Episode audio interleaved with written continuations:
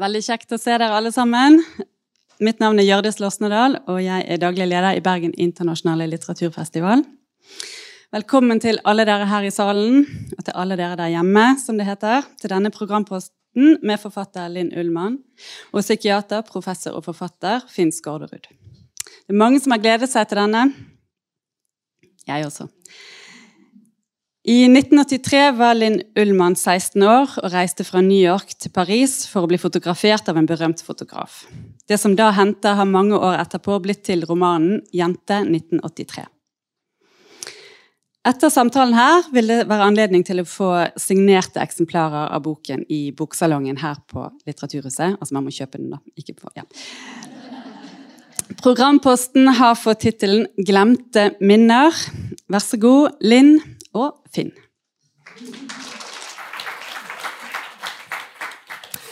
Ja, da skal vel jeg si tusen takk. Den Linn og Finn hadde ikke jeg tenkt på, men uh, jeg syns det var fint. Ja. Du kan starte et show. Ja. Glemte minner, glemte minner, det er den tittelen vi har fått. Den er uh, stimulerende, men også litt kompleks. Altså Husker vi ikke minnene våre, osv. Skal vi snakke om å huske, eller skal vi snakke om å glemme? Du er veldig opptatt av å glemme, vet jeg.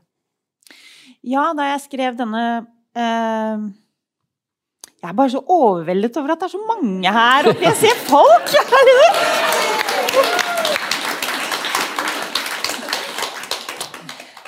um, ja. Eh, denne boken Altså, jeg, jeg, holder på med en trilogi eh, som startet med en roman jeg skrev som heter 'De urolige', og som fortsatte med denne 'Jente 1983', og, begge, eh, og den tredje også, som jeg ikke helt vet hva skal være ennå. Men, men, at glemsel og minner er, er felles for dem. Og, og kanskje der um, Minner ble veldig viktig i den første boken, altså 'De urolige'. Så, så tenkte jeg enda mer på glemselen og kunsten å glemme, og hva er glemsel, da jeg skrev denne boken. Først og fremst fordi at jeg måtte konfrontere min egen glemsel. Det var helt riktig som ble sagt her i introduksjonen. Ja, i 1983 så reiste jeg til Paris. Eh, og innledet et forhold, eller om det var Det ble innledet med meg, det vet altså, det, det ble et forhold med en, med en mye eldre mann. Eh, men jeg, husker ikke, jeg husket ikke så mye, mye rundt det. Jeg husket ikke detaljer. Jeg husket ikke Eller jeg husket noen, noen detaljer. Men ikke hvordan jeg kom fra der til der til der. Jeg husker at jeg, meg, at jeg gikk meg vill. Ja, Det tror jeg vi skal snakke litt om. At ja, du går deg vill. Ja. Eh, og at jeg har, alltid, jeg har veldig dårlig, sans, dårlig stedsans, og at jeg har lurt på i mange år, 10-20 år, om jeg mistet stedsansen min eh, den gangen i Paris. Altså om jeg bare rett og slett jeg, jeg, jeg kan ikke orientere meg. Um, jeg finner ikke frem noen steder. Kan ikke ta lappen kan, altså sånn. Men i hvert fall um, så lenge, Denne boka var utrolig vanskelig å skrive, og jeg har prøvd å skrive, altså prøvd å skrive om den historien før Altså mange, mange år. Den er så vidt nevnt i den første, Forrige, ja. den første boka, eller ja. altså den som heter De urolige. På sånn syv-ni sider. Men så tenkte jeg sånn, Og en av grunnene til at jeg ikke klarte å kanskje skrive den, har jeg alltid tenkt, er for at jeg har glemt så mye. Altså det er så mye, det er så mye jeg ikke vet og ikke husker. Men så begynte jeg å lure på om glemsel faktisk ikke var en sperre, men en, en vei inn. Og at det er i glemselen at det de på eng, man på engelsk sier er altså imagination, eller forestillingsevnen altså Det er der i glemselen at det, det kan oppstå. For no, altså jeg må trekke en linje mellom min, lite minne der, lite minne der. Så må jeg gjøre Altså jeg må bruke noe til å fylle inn. Og da er jo glemselen altså det er jo en vidunderlig eh, et vidunderlig sted så fremt man ikke tenker på det som en sperre, men som en, en åpning da, til å begynne å fortelle en historie. Og vi kan vel røpe at du og jeg snakket om denne boka en gang før. Det var omtrent dagen før den kom. Mm.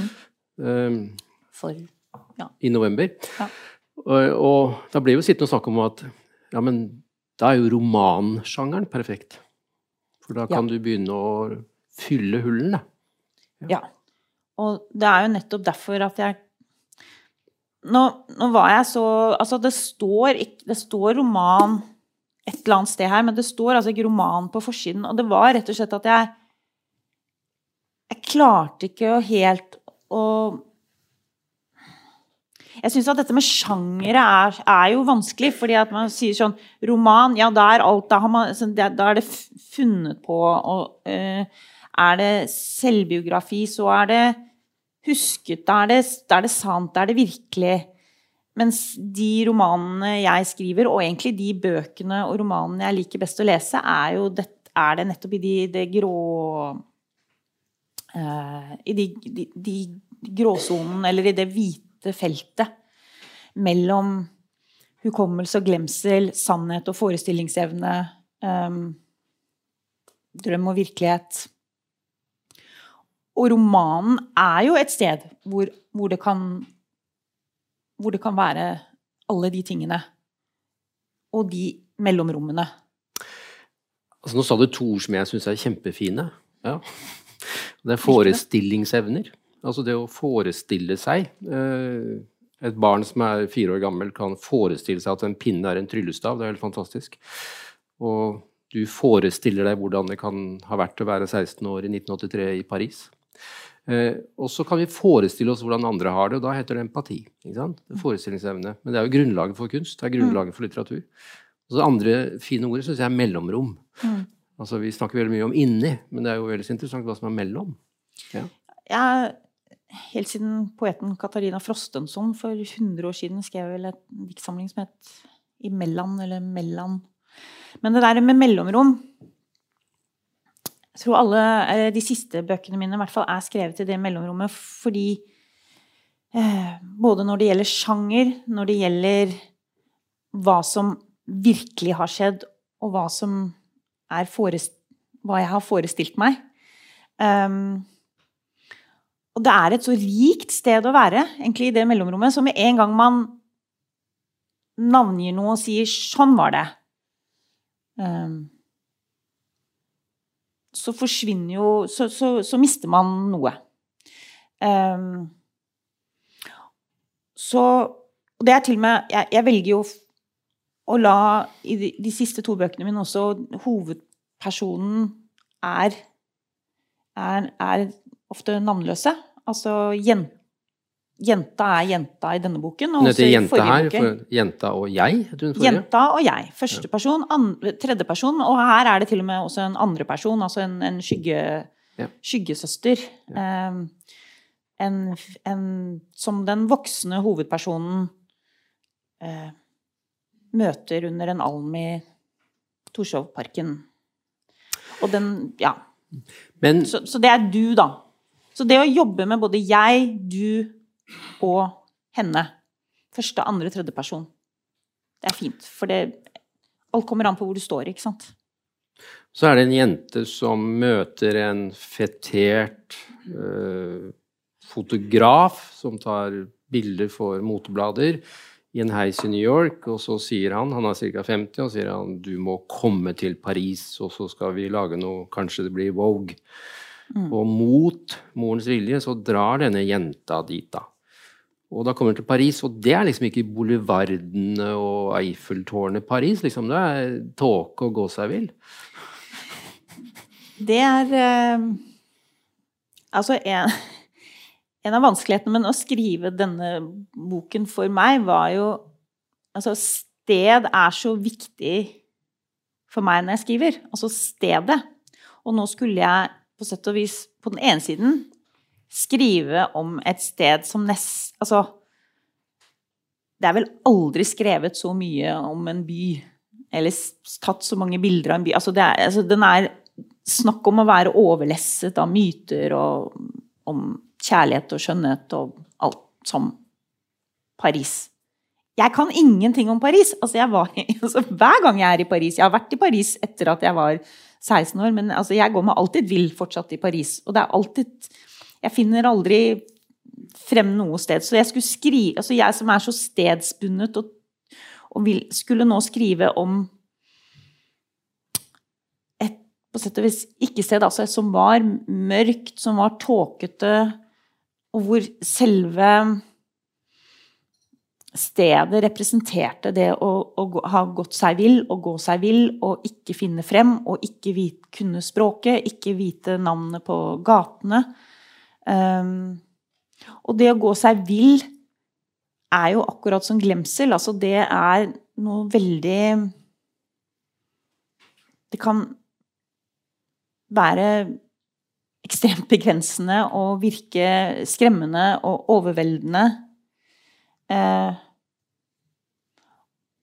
og så tror jeg at jeg, da jeg begynte å kunne se denne boka, eller se at jeg skulle klare å skrive boka, så, så var det vel sånn at også det, i likhet med glemsel, ble selve fokuset Altså ble, sel, ble selve Jeg skulle ikke prøve å ikke gå, altså, ikke gå meg vill, eller finne ut av det, eller Det var rett og slett det at, at det å gå seg vill var, var, hoved, var en hovedåre i boken, da. Det er, tenker jeg sånn at uh, du utforsker jo dette. Det er veldig lett i dag å beskrive et forhold mellom en 16 år gammel gått seg vill-jente i Paris og en 50 år gammel mann i noen termer som vi bruker. Altså mm. metoo-tekster, overgrep osv. Men jeg syns jo du nettopp unngår det språket. Eh, Isteden så driver du utforsker. Og det er jo ikke enten-eller her. Det er jo en jente som også vil bli begjært. Hun ja. vil være i sentrum. Eh, altså, du fikk jo fantastiske anmeldelser for dette mottakelse. det skjønner jeg veldig godt. Fordi du åpner et rom istedenfor å lukke et. Uh, ja. Uh, og jeg tror at Altså Jeg ville utforske egentlig ikke mannens begjær for denne jenta. Eller for en ung, ung kvinne. Jeg ville um, utforske jentas begjær. Og hun er ikke 13, hun er ikke 14, altså hun er 16. Norsk. Hun bor riktignok i USA og i New York. Altså sånn. Hun er lovlig. Han er ikke 50, han er 45. Ok, 16-45 er noe annet enn 14 og 50. Um, hvorfor sa jeg det? Kanskje du mente det? Ja. Nei, men jeg har en Altså jeg er jo mor selv og har en datter og uh, sånn, så jeg vet ikke helt hvorfor jeg sa det. og det har kanskje noe med at denne boka har endret seg også litt i meg eh, Også med den tiden vi lever i, og at jeg er mor til en datter. At den historien som jeg selv opplevde, har endret seg eh, gjennom årene. Sant? jeg så annerledes på den for kanskje bare 15 år siden enn det jeg gjør nå. Um, når jeg er faktisk ti år eldre enn mannen i boka. Men i hvert fall eh, Det som var viktig for meg, det var å skrive om hennes begjær og hennes blikk. Og ikke om hvordan hun ble begjært.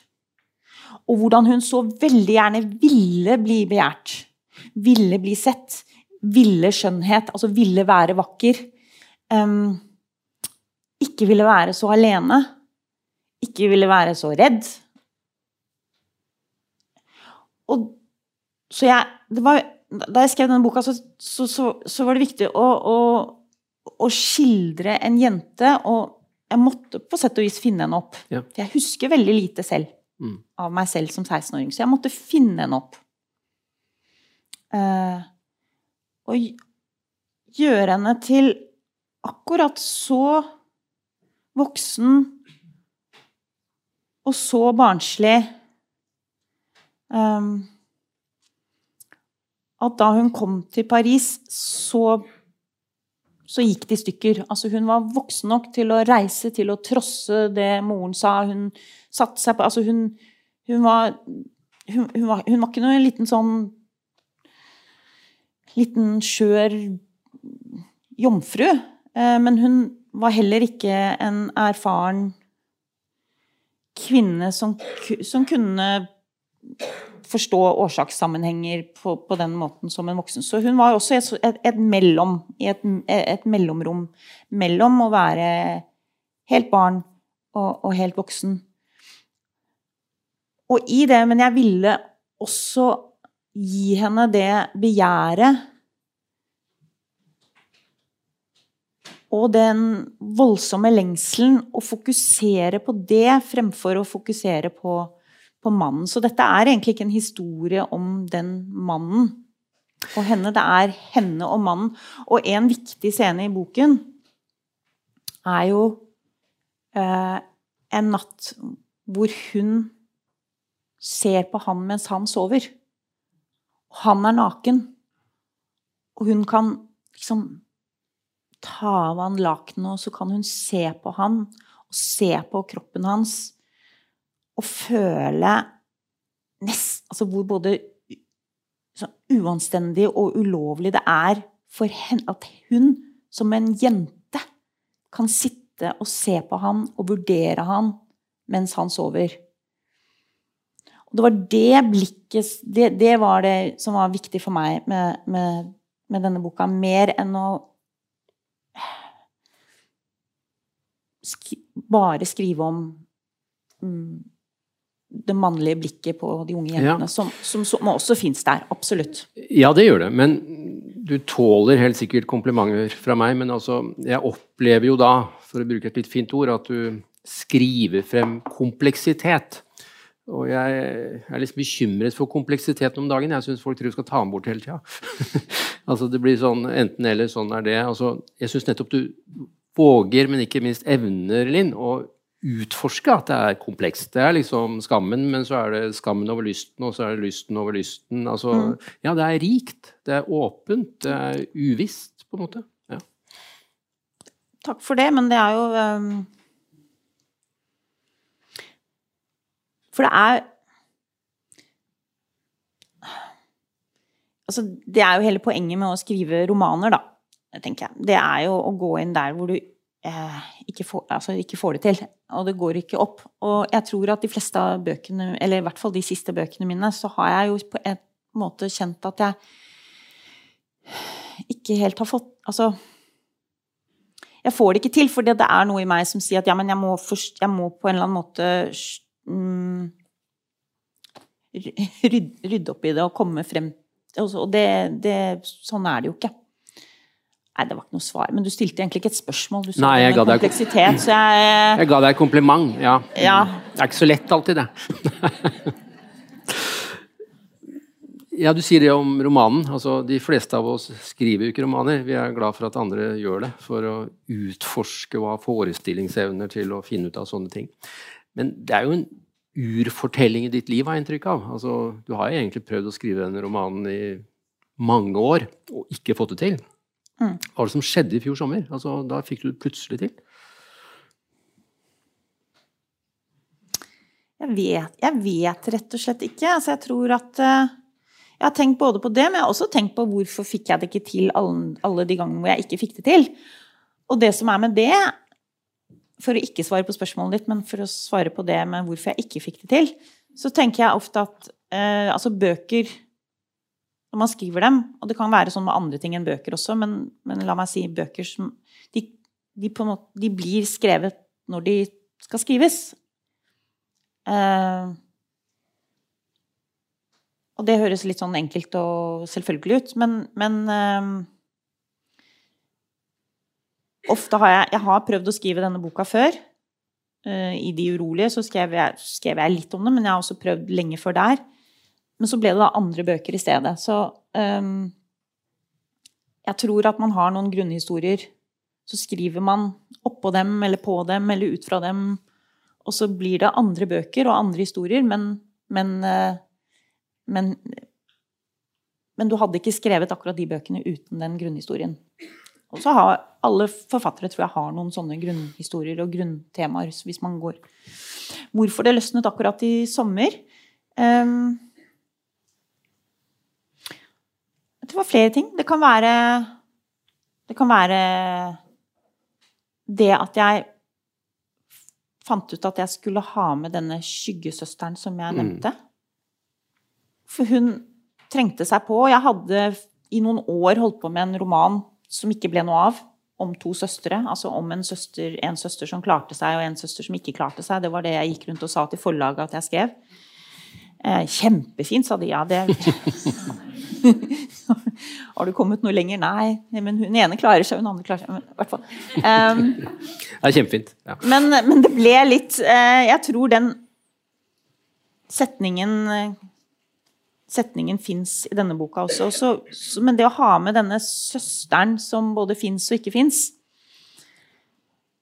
Og altså akkurat som veldig mange andre, så hadde jeg Altså var helt uh, i flere år da jeg var barn, altså lenge før jeg var 16, så hadde jeg en, en, sånn, en søster, en fiktiv søster. Jeg har mange ektesøster også, halvsøstre, men jeg hadde en, en, en skyggesøster eller en, som jeg snakket med. Altså. Og så forsvant det fordi jeg ble voksen og ikke hadde det lenger. Men det var et eller annet med å innføre den skyggesøsteren i denne boka, dette duet, som jeg kunne Eller som jeg-personen kunne mm, krangle med og, og, og, Hva heter det når man gjør sånn? Altså, altså gå inn i og ut av.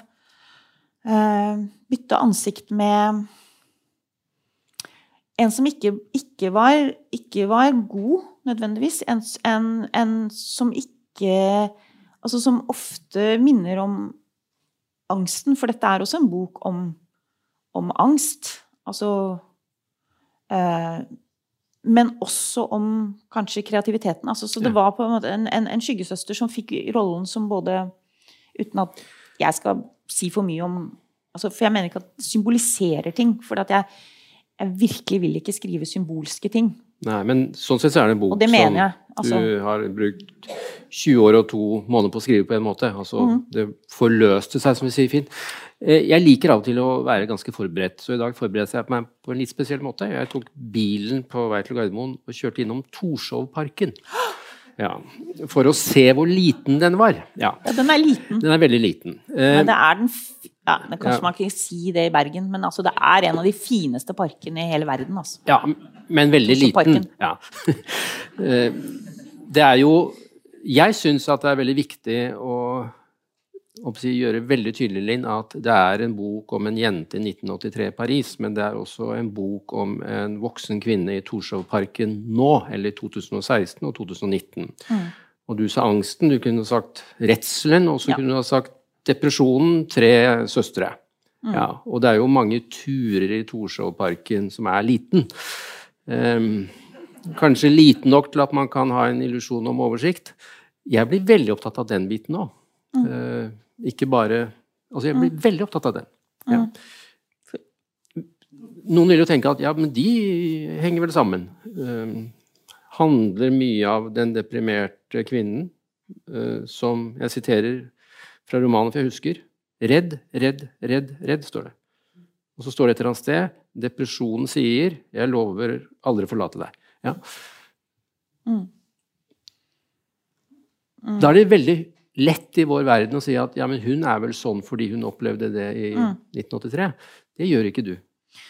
Nei, altså, boken er vel egentlig en sånn an, litt antifreudiansk i det at ja. den um, det, det, kan jeg vel si til deg. Du, er du freudianer? Altså, jeg er akkurat det som passer til enhver tid. Ja. ja.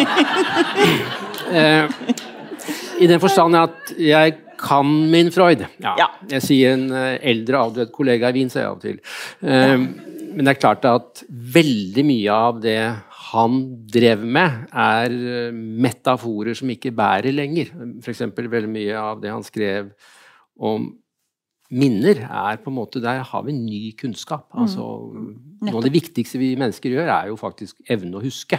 Mm. Tenk om vi hadde hus er evne å glemme, mener jeg. Tenk, ja. tenk om vi hadde husket alt, da. Ja, og det er jo nettopp uh, ja.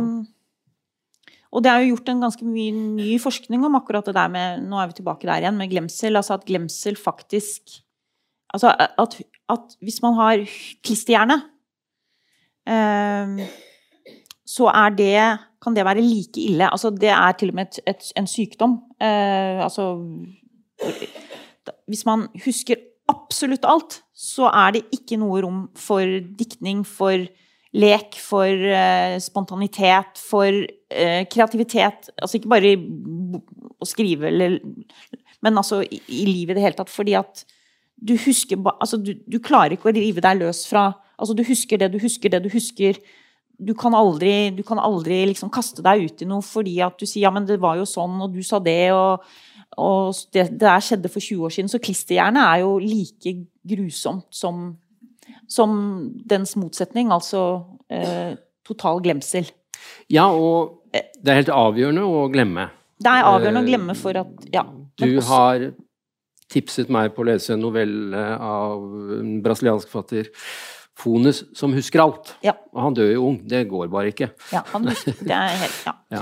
Eh, men, men, det er klart at når Unnskyld at jeg er på det sporet, men ikke sant når vi husker, så er det ikke sikkert at vi også husker det som skjedde, men vi husker av og til forrige gang vi husket det. Ja, ja. Eh, som betyr at her har det sneket seg en lesing av en roman av Linn Ullmann, her har vi sett en film, her har vi hørt en beretning. Så at våre minner er jo også De forskyves jo også hele tiden. Ja, ja, og vi husker det vi har likt. altså det, Og det har jeg snakket med mange forfattere om. Uh, dette med Og andre som holder på med sånne type ting. Men altså Og det kan være bare at man forteller Man husker gjerne noe Altså, jeg kan huske ting som jeg har skrevet Jeg skrev noe i Det urolige. Jeg skrev en scene i Det urolige om fa... Det urolige er jo veldig selvbiografisk om meg liksom blir beskrevet som selvbiografisk om meg og faren min som var gammel, og faren min da han var ung. Og så står det i Det urolige om da faren min, eller faren, faren i boka, kommer og leser et dikt eh, på senga eh, til jenta. Den lille jenta.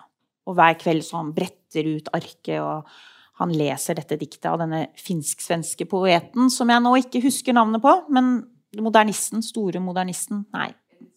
Nei. Mann. Hm? Nei. Jeg kommer på det, men takk. Hva? Ja! Ja! Hva? Hva? Bjørling. Takk. Gunnar Bjørling. Så jeg har denne scenen som jeg var veldig fornøyd med, som jeg skrev i Det urolige, og som jeg husket i detalj. At faren min tenkte at det er et selvbiografisk mann. Faren min leste, han brettet ut arket, leste Gunnar Bjørling-dikt. Og at jeg likte det, men at selv om jeg ikke skjønte diktet. Og at vi snakket litt om diktet. Jeg husket det virkelig i detalj. Så var det en en venn av meg som også er kritiker, som minnet meg om at akkurat den scenen hadde jeg skrevet i en tidligere bok som heter 'Et velsignet barn'. Hvor faren i den boka er gynekolog og ultralydpioner. Leste Gunnar Bjørling for sin datter. Så kom jeg på videre og bare gikk litt inn i det at faren min har Han tror jeg aldri leste Gunnar Bjørling. Han er i hvert fall sånn at Og da jeg husket at jeg hadde skrevet i den boka altså sånn at man, Dette var jo egentlig ikke svar på spørsmålet ditt. Ja, men jeg syns det, det, er en lovende samtale, dette her. For det er, uh, det er jo I hvilken grad er sannheter historisk ja. Eller hvilken ja. grad er minner historisk korrekte, eller er det emosjonelt sanne? Ja. ja. Og her er det kanskje noe emosjonelt sant. Din far hadde et kort møte en gang tror jeg, med Felini om de vurderte å lage film sammen. Det var kanskje ålreit at de ikke to gjorde det. Uh, men Felini, nå bare spinner jeg på emosjonelt, han refererte stadig vekk til uh, hva som skjedde i hans barndom. Han uh, ble født 20.1 på et tog, sa han. Og så rømte han en gang med sirkuset. Og så ble han sendt på kostskole fordi han hadde flørtet med landsbyen Rimenis prostituerte ja. kvinne. Ja. Eh, biografen hans sier at nei, ingen av de tingene skjedde. Nei. det var togstreik i Italia 20.1. Ja, ikke sant? Eh, moren klaget over at han kom litt sent hjem til middag etter å ha hilst på et esel på et sirkus en dag. Kom halv fem istedenfor fire. Og broren ble sendt på kostskole. Ja. Um, så, så sier Felina ja, men det var emosjonelt sant. Ja. ja. Og så fikk vi en film som heter Amarkord. Ja. Og da, som er den, en av de fineste filmene så hvis dere ikke har altså, alle må, alle må se Amarcord. Altså, det er jo en av de fineste. Og, Ja. Der, og den, det betyr jo Amarcord betyr jo minner. Ja, jeg husker på rimelig Jeg husker ja. på Mm. Og Men du spurte også om det der med, med, med depresjon. Jeg blir veldig opptatt av den voksne også. Ja, ja. eh, det rører meg. Eh, det er alvorlig. Hun har det riktig dårlig. Og så er spørsmålet om det fins en, altså en direkte kausalitet, og det sier ikke boken. Altså det er, den egentlig går imot den Ja. tanken, tror jeg, eller at jeg, da jeg skrev, um, ville, ville utforske uh, Og nesten enk, altså si at det er ikke nødvendigvis sånn at uh, hvis man At det som skjedde i 1983 Altså hvis man, hvis man førte rett til det som skjedde i 2016 og 2019 eh, i nåtid. Altså det, det fins Den kausaliteten er ikke nødvendigvis der. Og det var mer spennende for meg å skrive boken med at det ikke nødvendigvis var den eh, klare linjen, da. At det var mye mer Det, Linn, det var komplimentet mitt. Altså at du åpner et rom. Fordi jeg kan si da, som er innenfor en psykologisk retorikk, psykologisk språkbruk, jeg er ganske engstelig for mye av det psykologiske språket. Fordi plutselig så reduserer det. Eh, Hadde det stått voldtekt, så hadde det lukket. Altså, du bruker aldri ordet depresjon, tror jeg, nesten, unntatt den ene gangen. Du bruker ikke ordet angst, du sier aldri krenkelse, du skriver aldri overgrep. Altså, du lar på en måte det være opp til oss å undre om dette kan ha med hverandre å gjøre. Men psykologisk språk kan jo lukke. Eh, Og da er jo det deilig at det fins romanforfattere, da. Som kan drive og romstere i minner og fiksjon og glemsel. Mm. Ja. ehm, ja. Det, det, det, ehm, Jeg er enig med deg at det terapeutiske språket kan lukke, men det er så mange språk som kan lukke. Altså hvis man definerer Altså hvis Jeg er jo helt jeg er jo så redd, altså jeg er redd for å sette navn på ting, fordi at det da lukker det. Og så må man finne en balanse da mellom at noe må jo få navn. Man kan ikke bare være i, i sånt um, navnløst sted. Men det å, å kategorisere um, alt, alt skal være kategorier. Alt skal være sjangere, alt skal være kategorier. og jeg tror jo kunstens oppgave er jo å, å, å finne, finne det stedet mellom kategoriene. Jeg, jeg, jeg Rilke sa et eller annet veldig fint mm, mm, om å unngå kategoriene. Men nå har jeg glemt hva det sitatet var, for det hadde vært så fint å si det nå. Men det var noen Men jeg syns jeg har en opplevelse av at det var veldig bra. Men jeg tenker jo ikke at liksom, ja. si, vi som er sakprosaforfattere, da skal si, bare idealisere dere som er fik- fiksjonsforfattere. For det hadde jo vært å lage kategorier. Men jeg tenker jo nettopp at en som skriver en roman eller en selvbiografisk tekst, da, selvbiografisk fiksjon, som du har gjort, eh, har også en frihet til å romstere og søke og lete. Ja, men det liksom- har man vel med, i fa, med fag Ja, både og, ja. så, Mm. så jeg, jo, jeg har jo bakgrunn som journalist. Ja. Eh, og jeg, jeg tror at det vi snakker om, er jo ikke nødvendigvis Altså det, Å finne på Det er å bruke Altså bruke Og det forestillingsevnen eh, å, å være åpne. Jeg sier jo ikke 'dette skjedde akkurat sånn', og det er, det er jeg helt sikker på. Eh, den kunne godt hett en memoir, så lenge, men så lenge, man, så lenge forfatteren er eh,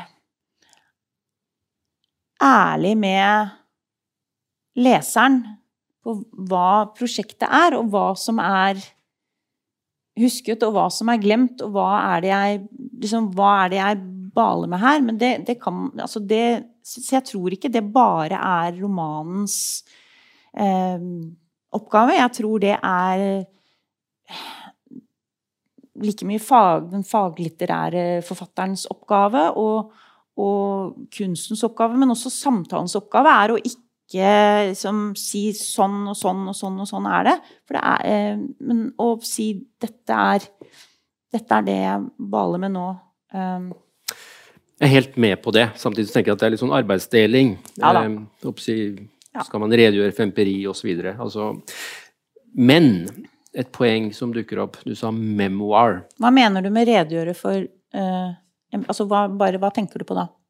Redegjøre for empiri og sånn altså, og så? Av og til så kunne sånn som meg bli sittende nede og skrive en vitenskapelig artikkel som skal publiseres i internasjonalt tidsskrift. Da ja, da går det ikke an å si du... sånn jeg, jeg, husker kanskje litt, og jeg har glemt, og jeg bruker Forestiller meg. Ja. Mm. Samtidig mm så akkurat en av de første artiklene jeg leste om glemsel For jeg gjorde Jeg fortsatte mye sånn altså, Leste rundt glemsel og minner og, og, og, hukommelse. Var en matematiker, og jeg har prøvd å finne tilbake til det essayet, som skrev en essay Altså han var forsker, mm. amerikansk, som skrev om hvordan det var faktisk at han, han slet med en del glemsel. Så at han ofte øh, gjorde, altså at han gjorde forskningsting, altså han gjorde undersøkelsen om igjen, den samme som han hadde gjort forrige uke eller forrige måned. Han gjorde ting om igjen, men da på en litt annen måte, for han hadde glemt at han allerede hadde gjort det. Og den Det førte til gjennombrudd. Så at det var helt avgjørende, mente han i dette essayet, at også forskere må glemme å ikke henge seg sånn opp i altså akkurat hvordan de gjorde det forrige gang, fordi de må liksom rykkes ut og, og gjøre det på nytt igjen, men da gjør de det på en litt annen måte. Er, altså alle som hus, altså, har glemt Har skrevet et eller annet, og så blir det borte. Og så må man skrive det om igjen. Altså Om det så er en SMS, altså. Så skriver man jo litt annerledes neste gang. Og så til slutt så blir det den SMS-en du virkelig ville sende. Antar jeg var den forskerens. Um, så, så, det er um, Ja. Men du sa memoir. Og siden jeg da sa at jeg ble opptatt av denne ja. voksne i den lille, trange, vakre parken eh, Ikke så liten, er det. Nei, så Men den er, den er eh, Beskriver den som en, som en, en kneskål i landskapet. Mm. Um, Torsjøparken er helt rund, og så har den altså de vakreste og de merkeligste og de mest nesten skremmende solnedganger i januar som man kan tenke seg, som minner om eh, jeg, Lenge trodde jeg altså den filmen 'Melankolia', jeg vet ikke ja. ja. Eh, Triers film. Um, og det er denne, denne stjerne, denne planeten, planeten som kommer, kommer, mot dem. Ja. Og den, veldig lenge så tenkte jeg alltid på den da jeg så på solnedgangene over Torshovparken, særlig de januar, for de er sånn ildrød. Mm. Men i filmen så er faktisk ikke den planeten rød. Så da så jeg filmen om igjen, så jeg melankolia, og den er bare helt hvit. Ja. Så du hadde glemt, faktisk? Ja. ja. men du har et spørsmål her. Altså, unnskyld, jeg avbryter deg hele tiden. Spørsmålet er simpelthen eh, depresjon. Eh, det fins tusenvis av memoirs. Folk som har skrevet om å ha vært deprimert. Det fins nesten ingen dagbøker. Fordi da evner man vel ikke å skrive. Eh, og jeg tenker ofte at psykisk lidelse, som depresjon, men andre lidelser, det er ofte en dobbel lidelse fordi man lider. Men så lider man fordi man ofte ikke har et språk for lidelsen. Og da ser vi jo at mange etterpå er jo en veldig sånn formdrift, ville vår 93 år gamle maler Håkon Bleket si. Eh, formdriften min er større enn kjønnsdriften, sier han nå. Mm. Et, et begjær etter å måtte gi form til en erfaring, fordi erfaringen hadde ikke en form. Mm. Og igjen, uten å si, romantisere kunstnerne, der hjelper jo dere oss andre. For dere lager en form, og så kan vi si ja, det ligner litt på min, og så kan vi kanskje låne av det. Så det opplever jeg er spennende med at det finnes så mye depresjons etterpåbeskrivelser, men det er så få av selve tilstanden. Mm. Men det er vel nettopp for det du sier, og det, det Altså depresjonen eller angsten eller liksom den Hva man nå skal kalle Altså, den, den er jo formløs. Og hele Det å skrive en bok er å finne en form. Så historien kan finnes der i 10 år, 20 år, ett år, en uke. Men det er jo ikke før I hvert fall sånn er det sånn for meg. Det er ikke før jeg har funnet en form på det, at at jeg kan få det til. Um, all kunst, all skriving, er form. Før noe annet. Det begynner ikke med en historie. Det begynner ikke med Altså, det er Uten en form så er det ingenting. Um, og når det gjelder og, og, og, det som kanskje er det mest skremmende en av, de, en av de mest skremmende tingene med depresjon, og det, det, er ikke et ord jeg bruker mye i denne boken, men det er jo at den er formløs, og den er språkløs. Um, jeg har lest mye Virginia Woolfs dagbøker. Um,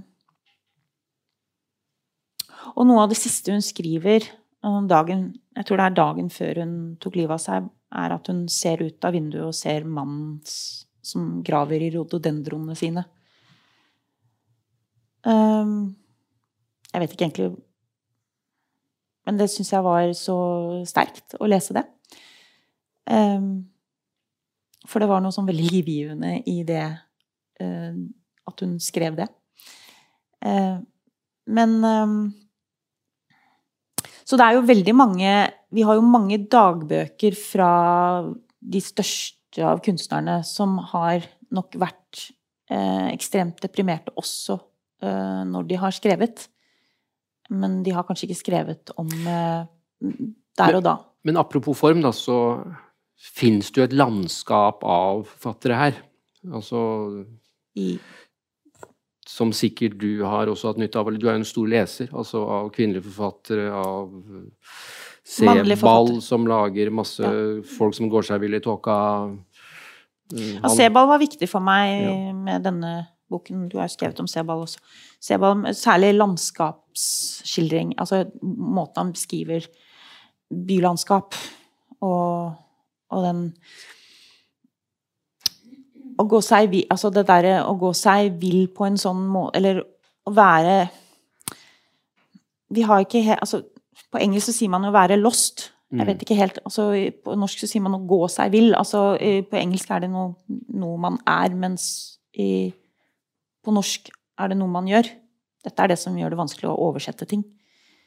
Eh, men jeg ville jo da skrive en bok rett og slett om å være lost. Og jeg vet ikke helt hvordan eh, Altså å, å prøve å, å, gi det et språk.